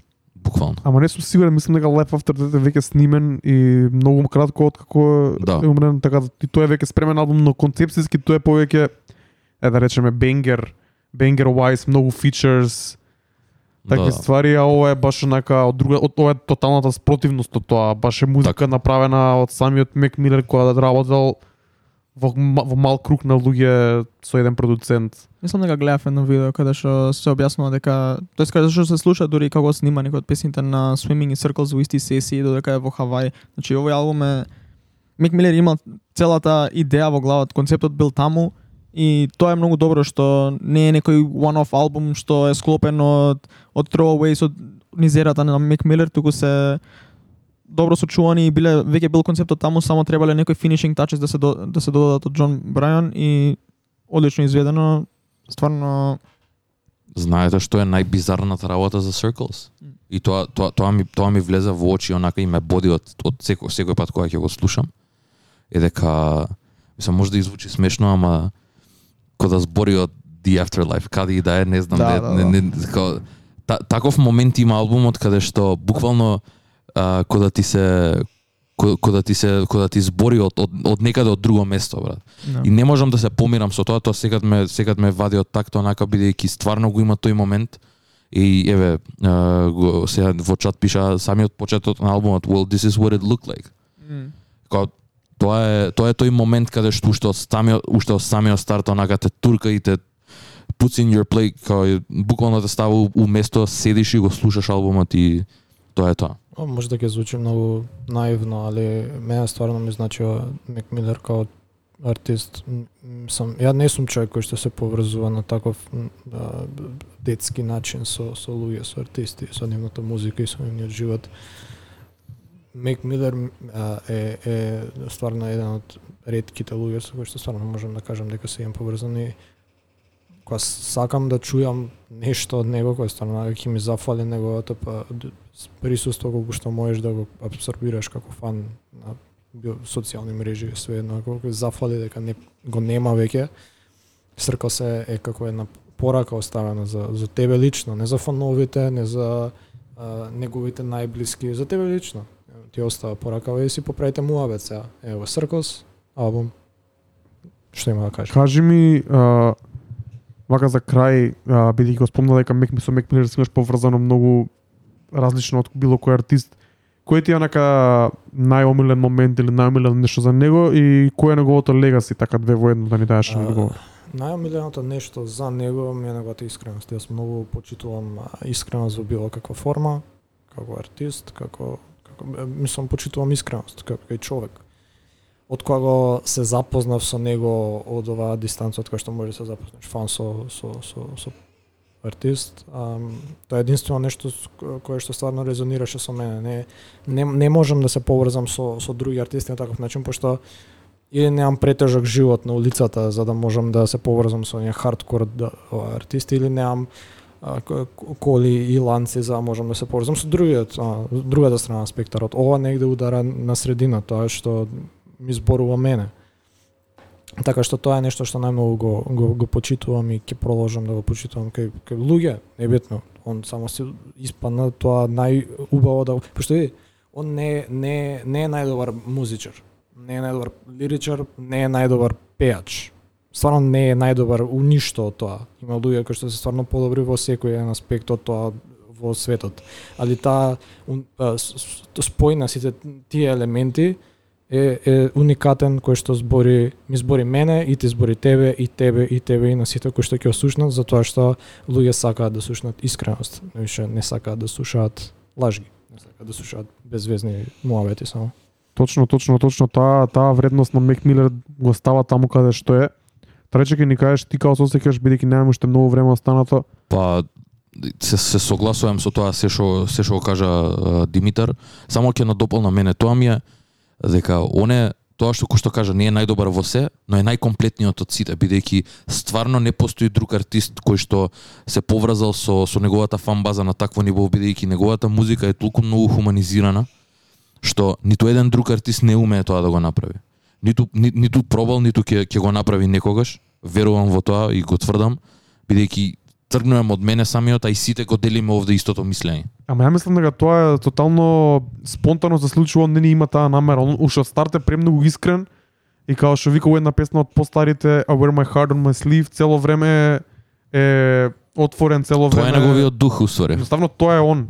Да, колку и да има промени низ неговиот живот, Он Не- секогаш го дава тоа што е во моментот. тоа И затоа моментот, да. проектите што ги има извадено од 2010 до 2012 се и го презентираа тоа, после Faces и Watching Movies with the Sound of е, тотално нешто друго, овие тотално нешто трето, он цело време како се осеќа, така снима, постојано снима и постојано вади. Тоа ми е многу мило бидејќи како ќе помине време, мислам дека неговата дискографија уште по подобро ќе ејджне и само ќе добие уште повисок статус споредено со неговите современици бидејќи оваа музика колку и да ја сакаме и ја застапуваме, мислам дека он е многу поголем од од тоа, многу поголем од било кој тренд, многу поголем од било која Трансцендентиран низ низ низ време, дефинитивно. Um, јас се согласувам со се што кажавте, ја би само би надоволнил една работа што ја би ја истекнал за Мик Милер е неговиот прогрес како артист, што го напоменав пред како 16 годишно дете што зборува за реклеснес и за и за журкање и за експериментирање со алкохол и дроги до ваков комплетен артист мене ми дава некоја мотивација за цело време да, да буткаш да се подобруваш цело време и у лошите времиња како што се watching movies with the sound off и, и faces да се издигнеш над тоа и да, из, да станеш подобар човек од тоа и да можеш да го пренесеш на некој начин за да тоа ја бескрено го почитувам Мек Милер и многу ми има помогнато низ тешки периоди да да ги пребродам нив и да и да станам подобар човек од тоа и мислам дека тоа го прави со сите фанови негови. Одлично кажано, не знам, имам уште 4 минути, ако има некој уште нешто да каже на оваа тема, може да да доправиме муавет за Мек Милер. Не, и, и, јас само ќе кажам, уште еднаш ќе повторам дека мене ми е еден од најмилените артисти. Не ми се допаѓа се од неговата кариера, но со оглед на тоа дека сум го фатил многу рано и многу рано е, сум се поистоветувал со него. Едноставно после тоа ми остана онака баш као best friend и ќе повторам уште еднаш Даре Трајковски многу убаво имаше тоа пишано текстуално. Едноставно растевме заедно со него и и за тоа го сеќаме толку блиску и не сме единствени, вие спомнавте сите дека истото исто ви значи на вас и таа негова позната фанбаза која е постојано на Reddit и кај него на Instagram која постојано му праќа љубов, не е тоа фанбаза создадена од било каков хајп или така ради по некоја грешка, туку е баш онака сите се луѓе кои искрено ја осеќаат неговата музика или ја осеќале во одреден а, период од, од нивниот живот. Тука да стигнеме тука да го призавршиме Ја сега ќе сега ќе почнеме со Circle, само ја сакам уште една последна мисла да кажам, е дека моментот кога Мек почина јас осеќам дека изгубив другар брат. До тој степен ми е онака до тоа ниво.